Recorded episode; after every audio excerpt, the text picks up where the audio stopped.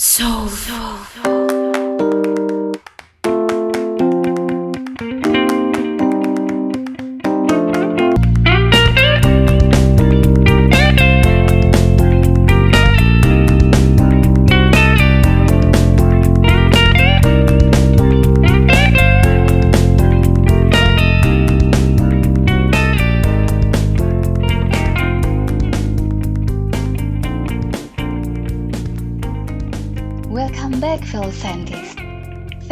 For listening to Nana Break.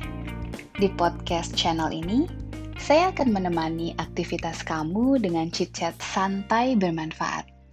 Bersama para pakar di bidang penelitian dan penulisan ilmiah biomedis. Cerita apa ya yang akan dibahas pada episode kali ini? Keep following this channel, Nana Break.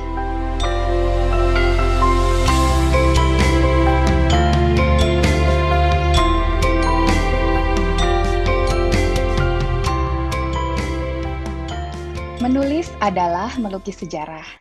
Seluruh pengetahuan dan budaya manusia ada karena seseorang telah menuliskannya. Hai fellow scientist, I'm very excited karena di episode perdana ini, walau dengan sedikit menodong, dan yang ditodong ternyata hadir dengan sukarela. Seseorang yang sejak lama saya kagumi. A great but humble man. Sosok pemimpin yang selalu membawa energi positif untuk lingkungannya. Please welcome Prof. Dr. Dr. Ketut Swastike, spesialis penyakit dalam konsultan metabolik endokrin. Selamat sore, Prof. Selamat sore, Ana. Sekarang ini sibuknya ngapain aja ya, Prof? Setelah kayaknya udah lama banget ya terakhir jabatan di Udayana sebagai rektor ya. Iya sudah hampir empat tahun sudah. Jadi kalau Juli kalau tidak salah terakhir. Mhm. Ya Juli 2017. Kita kan kebetulan eh, orang klinik jadi kantornya di rumah sakit pagi- pagi-pagi kita ng- ngelihat pasien dulu sambil di poliklinik ngajari para residen. Kemudian Hmm. juga kebetulan bimbing-bimbing ada S3 misalnya. Jadi eh, dan eh, tentu yang lain juga banyak webinar sekarang. Jadi banyak webinar hampir tiap minggu bahkan seminggu bisa dua tiga kali. ya. Jadi ya Bahkan itulah satu waktu bisa kegiatan. dua layar gitu ya, Prof ya. Iya pernah begitu sampai stres.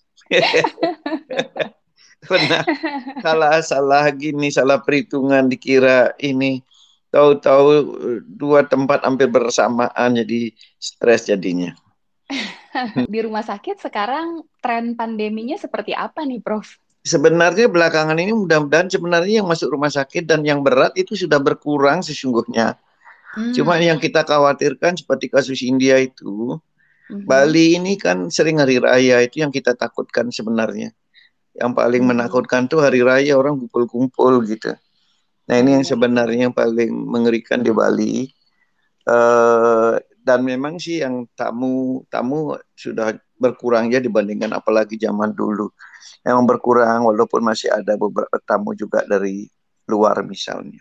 Selain mengajar, tadi Prof juga membimbing mahasiswa ya, Prof ya. Iya betul Itu sekali. penelitian-penelitiannya yang lagi dilakukan sekarang mengenai apa aja ya? Sekarang kami sedang memang membuat roadmap penelitian beberapa ada yang masih dasar lagi ulangin kita pemeriksaan dasar dalam Hmm. artian eh, survei dasar seperti penyakit gondok gitu. Jadi pada Hmm. ibu hamil, kemudian eh, eh, prevalensi penyakit beberapa penyakit tiroid seperti apakah nodul misalnya, kanker itu kita mulai mendata dasar lagi. Eh, Nah, itu yang kedua juga kita eh, ada roadmap tentang kaki diabetes. Jadi segala macam Hmm. kaki diabetes kita coba coba eh, buatkan studinya lagi itu bersama residen sama stafnya juga semua. Dan sebelumnya kita masih ada beberapa lanjutan itu tentang peran GLP-1 pada eh, diabetes khususnya diabetes tipe 2 dan obesitas. Nah, itu beberapa masih sedang jalan itu. Secara umum Wah, begitu. seru ya. Hmm. Iya. Itu judulnya beda-beda semua, nggak pusing ya, Prof? ya, kita bagi-bagi, nanti bimbingnya juga bagi-bagi dengan staf semua. Kemudian nanti kita Hmm. pilah-pilah masing-masing ada residen, nanti ada yang staf begitu. Prof, sering banget nih kalau saya ngobrol gitu sama yang peneliti-peneliti sedang mengambil S3 terutama. Iya. Gimana penelitiannya? Udah selesai, tapi belum bisa ujian karena publikasi gitu ya, Prof ya. Oh iya betul betul. Iya. Sebenarnya kenapa sih gitu universitas mewajibkan publikasi itu gitu? Kan jadi bikin lama ujiannya. gitu. Iya betul. Kalau zaman dulu memang belum ya. Tapi ya memang penting sekali karena kalau penelitian tanpa publikasi kan tidak ada yang tahu.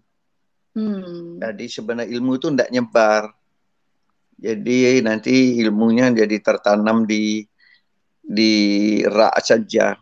Nah itulah Jadi sebabnya. properti perpustakaan aja ya. Iya, iya. Apalagi zaman sekarang nggak ada perpustakaan hard copy. Jadi orang sudah baca soft copy saja sudah tidak ada eh, tidak ada orang butuh lagi ke perpustakaan secara fisik. Semuanya dap, eh, didapat dari online. Jadi kalau kita Mhm. tidak nyebarkan secara online, terutama dari majalah-majalah, Mhm. maka penelitian kita tertanam jadi tidak tidak ada manfaatnya begitu. Karena itu paling Hmm. paling prinsip ya. Nah, Hmm. kalau misalnya udah lulus, kan kalau jadi mahasiswa pasti bikin publikasi. Soalnya kalau nggak nggak Iya. bisa ujian gitu. Iya Kalau betul. misalnya setelah kita lulus, itu sebenarnya masih tuh kita membuat publikasi publikasi Iya. ini. Iya, sebenarnya ya secara teoritis orang sekolahan itu itu kan awal. Jadi termasuk S3 juga awal dia. Apalagi Hmm. kalau di luar negeri itu jelas sekali ya. Karena apa? Karena topik-topik temanya kan diberikan oleh oleh pembimbingnya, bahkan pembiayaannya pun dicarikan. Nah, itu Hmm. seolah-olah belum mandiri betul, pikirannya belum eh, apa yang dikerjakan belum pikirannya 100%. Nah, sebenarnya sama juga dengan kita. Jadi kita masih diarahkan pada saat sekolah, tapi justru itu adalah pembelajaran awal. Jadi kalau se- sebenarnya setelah PhD itu baru bisa menjadi peneliti mandiri dan mungkin berpikir ide-ide mandiri yang paling ya eh, yang diinginkan sesuai dengan kemampuan anak didik itu sendiri. Gitu. Jadi justru itu sebagai awal. Jadi malah wajib kalau kalau berhenti kan rugi sekolah. Sekolah baru latihannya ya, Prof ya. Iya, sekolah baru latihan aja di sana. Prof itu punya publikasi banyak sekali gitu. Tadi sempat ngintip-ngintip akun Sintanya Prof sedikit. Wah, Iya. ternyata sudah ratusan publikasi banyak sekali yang di Scopus Hmm. gitu. Dan bahkan Prof itu termasuk mendapatkan peringkat ke-9 di Indonesia. Oh, luar biasa ya. Saya enggak tahu ya, saya, saya pokoknya kerja-kerja aja enggak pernah ini. gitu. Nah, kalau Hmm. Prof sendiri ngerasa ada manfaatnya nggak sih punya ba- banyak publikasi seperti itu? Ya sebenarnya sih karena kita guru ya mestinya jadi panutan anak-anak didik juga ya. Mhm. Itu aja paling penting. Jadi bukan untuk dibangga-banggakan sebenarnya bukan itu tujuannya. Yang penting kita berbuat sesuatu sesuai dengan karena tugas tugas kita kewajibannya. Nah kewajiban dosen itu kan ada tiga yang paling penting itu tridharma perguruan tinggi. Jadi bagi mereka-mereka yang menjadi dosen di perguruan tinggi ya tridharma perguruan tinggi itu harus dilaksanakan dengan baik. Itu jadi pendidikan, eh, penelitian sama pengabdian masyarakat. Publikasi. Memang itu pekerjaannya itu pekerjaan pokok. Jadi kita justru harus mengerjakan itu sebenarnya begitu. Antara menjadi klinisi dan peneliti gimana nih, Bro? Eh, ya sebenarnya kita lebih waktunya. lebih banyak juga penelitian-penelitian eh, klinik ya. Tetapi Mhm. ya eh, sesungguhnya kan penelitian kan juga bisa tidak harus sendiri yang mengerjakan. Jadi mungkin kita kalau makin senior kita bisa punya staf yang lebih muda, punya residen, eh, kemudian eh, mungkin kolaborasi dengan yang lain itu publikasi itu banyak juga dengan ko- eh, kolaborasi. Jadi Hmm. saya kira itu bisa dimanfaatkan jadi tidak harus semuanya dikerjakan sendiri. Iya betul, mesti banyak-banyak networkingnya itu ya. Ya, networkingnya, ya betul. Jadi dengan kita banyak publikasi juga tentunya untuk institusi kita lebih baik juga ya, Prof ya. Ya betul sekali karena nanti penilaian-penilaian eh, apa pun itu dari institusi kalau kita berbicara institusi memang dipengaruhi oleh uh, apa aktivitas dari dosennya dan sekaligus juga mahasiswanya sebenarnya. Betul hmm. sekali termasuk juga karena itu kan semua ada penilaiannya. Baik itu pengabdian, penelitian, itu semua ada proses pendidikan, itu semua ada manfaat bagi institusinya. Kalau dari pengalaman Prof sendiri, mungkin selama proses publikasi baik pribadi atau selaku hmm. pembimbing mahasiswa, biasanya masalah dan drama-dramanya itu apa yeah. aja ya Prof? Ada cerita nggak yang mau di-share? Iya, betul eh, saya biasanya kalau residen mahasiswa, mereka belum berpengalaman publikasi. Jadi hmm. bahkan saya yang memperbaiki. Jadi dia udah punya naskah, kemudian saya total perbaiki dulu baik strukturnya, nanti eh, bahasa ya walaupun saya nanti balok bahasa Inggrisnya biasanya saya akan konsulkan lagi karena bahasa Inggris itu harus ada orang memang pinter. Tapi struktur kebutuhan hmm. eh, terhadap eh, apa home base-nya majalah itu bahkan saya yang memperbaiki itu. Jadi wow. saya yang memperbaiki itu baru baru saya publikasikan gitu. Mungkin oh, beda gitu dengan yang lain-lain. Kalau yang lain-lain ya? yang yang ya betul. Makanya saya aja mungkin kalau orang lain kan yang tua nyuruh yang kecil terus nyuruh langsung publikasi. itu yang banyak. Oh ini kebalik gitu. saya di kebalik justru. bener bener. Iya. Terus pengalamannya Prof itu kalau sudah kita submit sampai dia ke publish itu lama banget nggak sih Prof? Apalagi Memang, yang internasional gitu ya? Sebenarnya tergantung dari gininya, tergantung dari naskah apakah itu menarik apa tidak, ada kebaruannya yang perlu dibaca oleh orang lain apa tidak.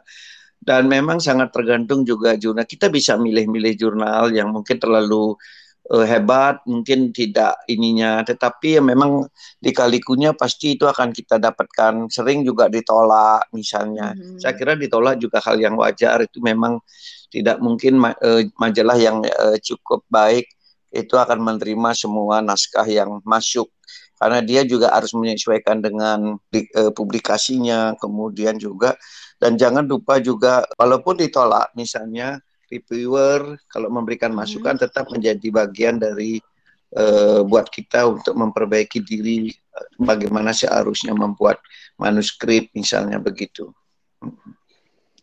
Kalau saya punya manuskrip yang sama, ya. udah ditolak ya. tiga kali, Prof. Oh ya, anggap normal aja. Nanti cari yang masih lain. normal ya tiga kali ya? Iya, tidak apa-apa. Nanti uh, ada yang memang langsung ditolak karena tidak match.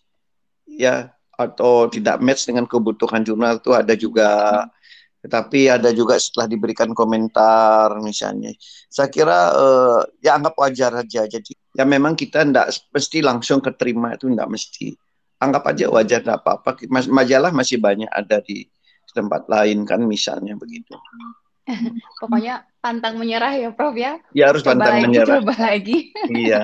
Kadang-kadang ada yang lebih bagus rankingnya bisa menerima yang lebih jelek enggak gitu. Kadang-kadang memang bisa begitu. Oh iya.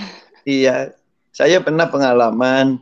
Uh-huh. tapi saya sering juga jadi reviewer kan reviewer di uh-huh. ada satu majalah ya eh, sebenarnya Q2 Scopus Q2 uh-huh. hmm, sering saya juga jadi apa jadi reviewer juga uh-huh. eh, ada eh, manuskrip yang diterima uh, yang kolaborasi. Memang kolaborasi sering juga misalnya di bidang endokrin itu sering sekali. Jadi kita sering diterima untuk majalah-majalah yang bagus itu. Nah, pernah saya mas punya saya karangan sendiri mm-hmm. uh, studi di Bali, masukkan Jawa itu kan bahkan dulu belum masuk Scopus lagi. Memang yeah. uh, reviewernya cerewet banget gitu. Dia berulang-ulang diulang-ulang. Akhirnya saya sebenarnya udah bosen ya. Saya juga tidak seneng. Kayak anak kecil gitu ya. Jadi akhirnya memang ini ditolak juga. Karena saya tidak mau memperbaiki. Ini saya masukkan ke masalah majalah suatu, satu majalah yang Q2 malah di sana hmm. diterima lebih cepat. Jadi di mana saya juga sering jadi reviewer gitu jadi hmm. ya itulah kadang-kadang tidak apa-apa ditolak ya biarin aja nanti ada majalah lain masih masih bisa dicoba gitu. Kalau selama pandemi ini sempat submit manuskrip nggak sih, Prof?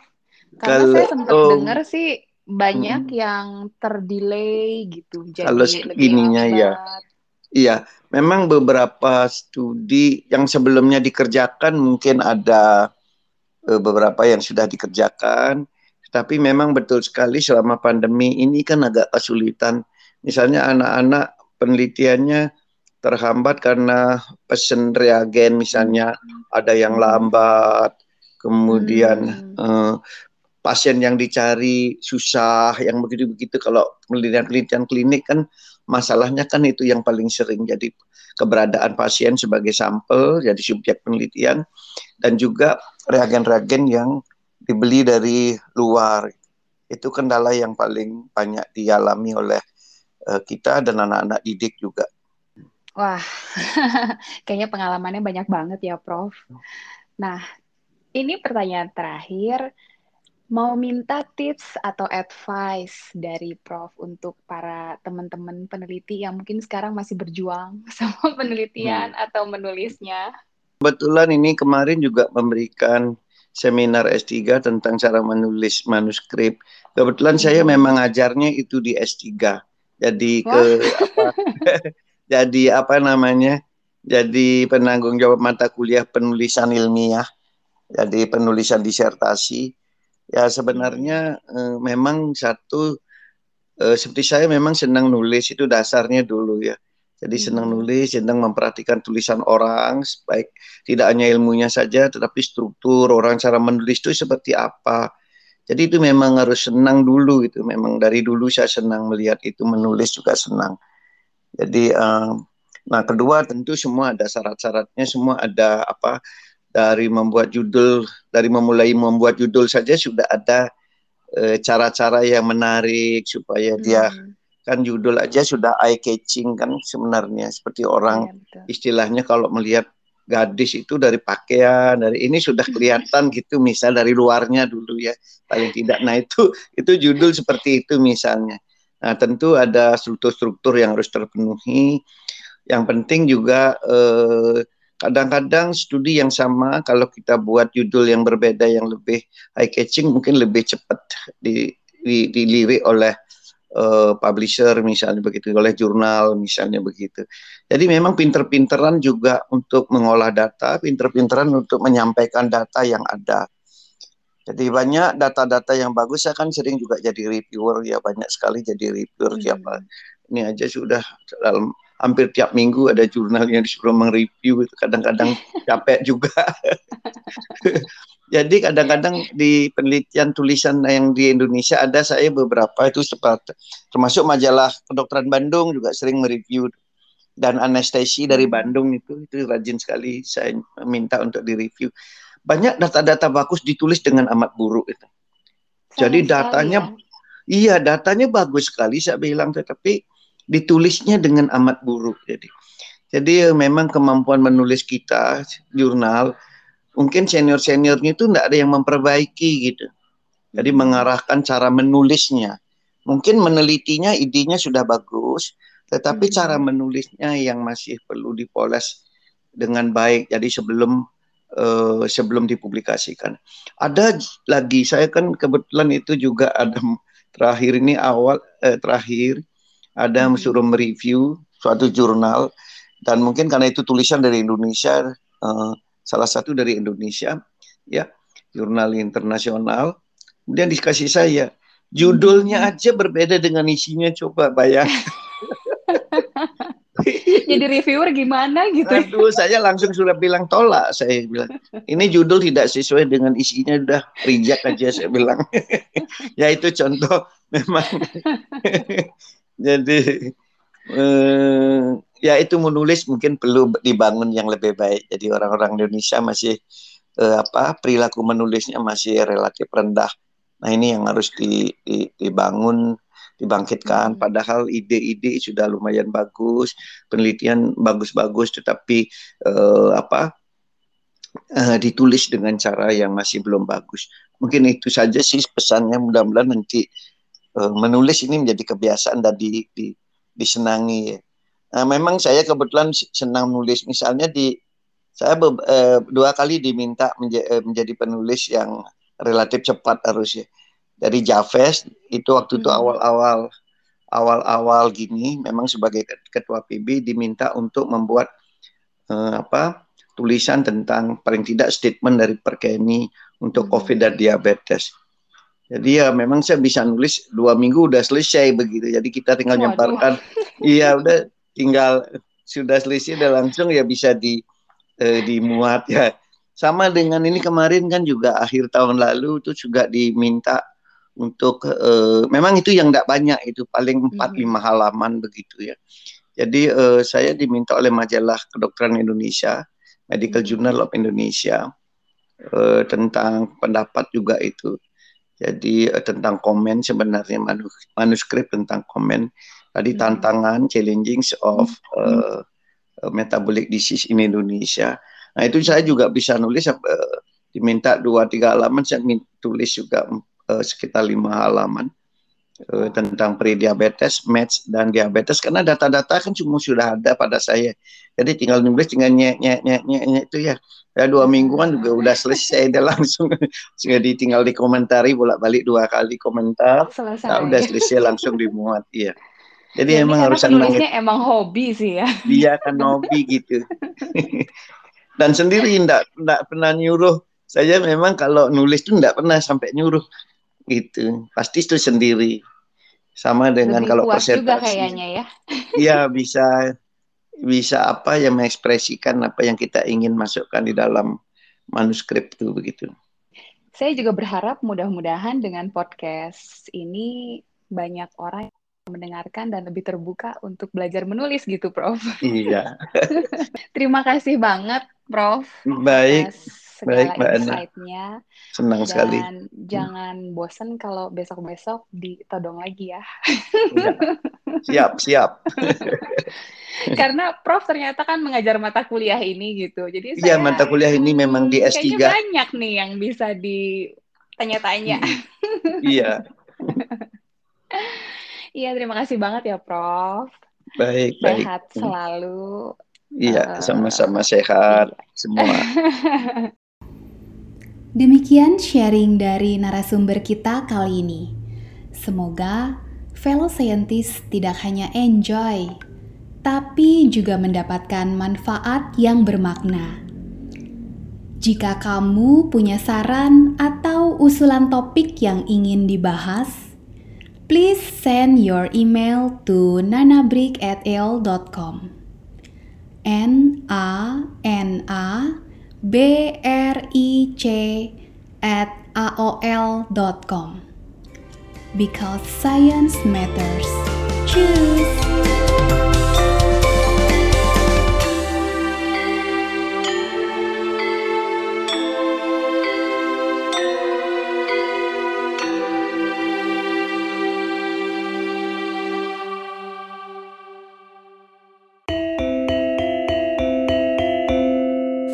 Framelens Audio Visual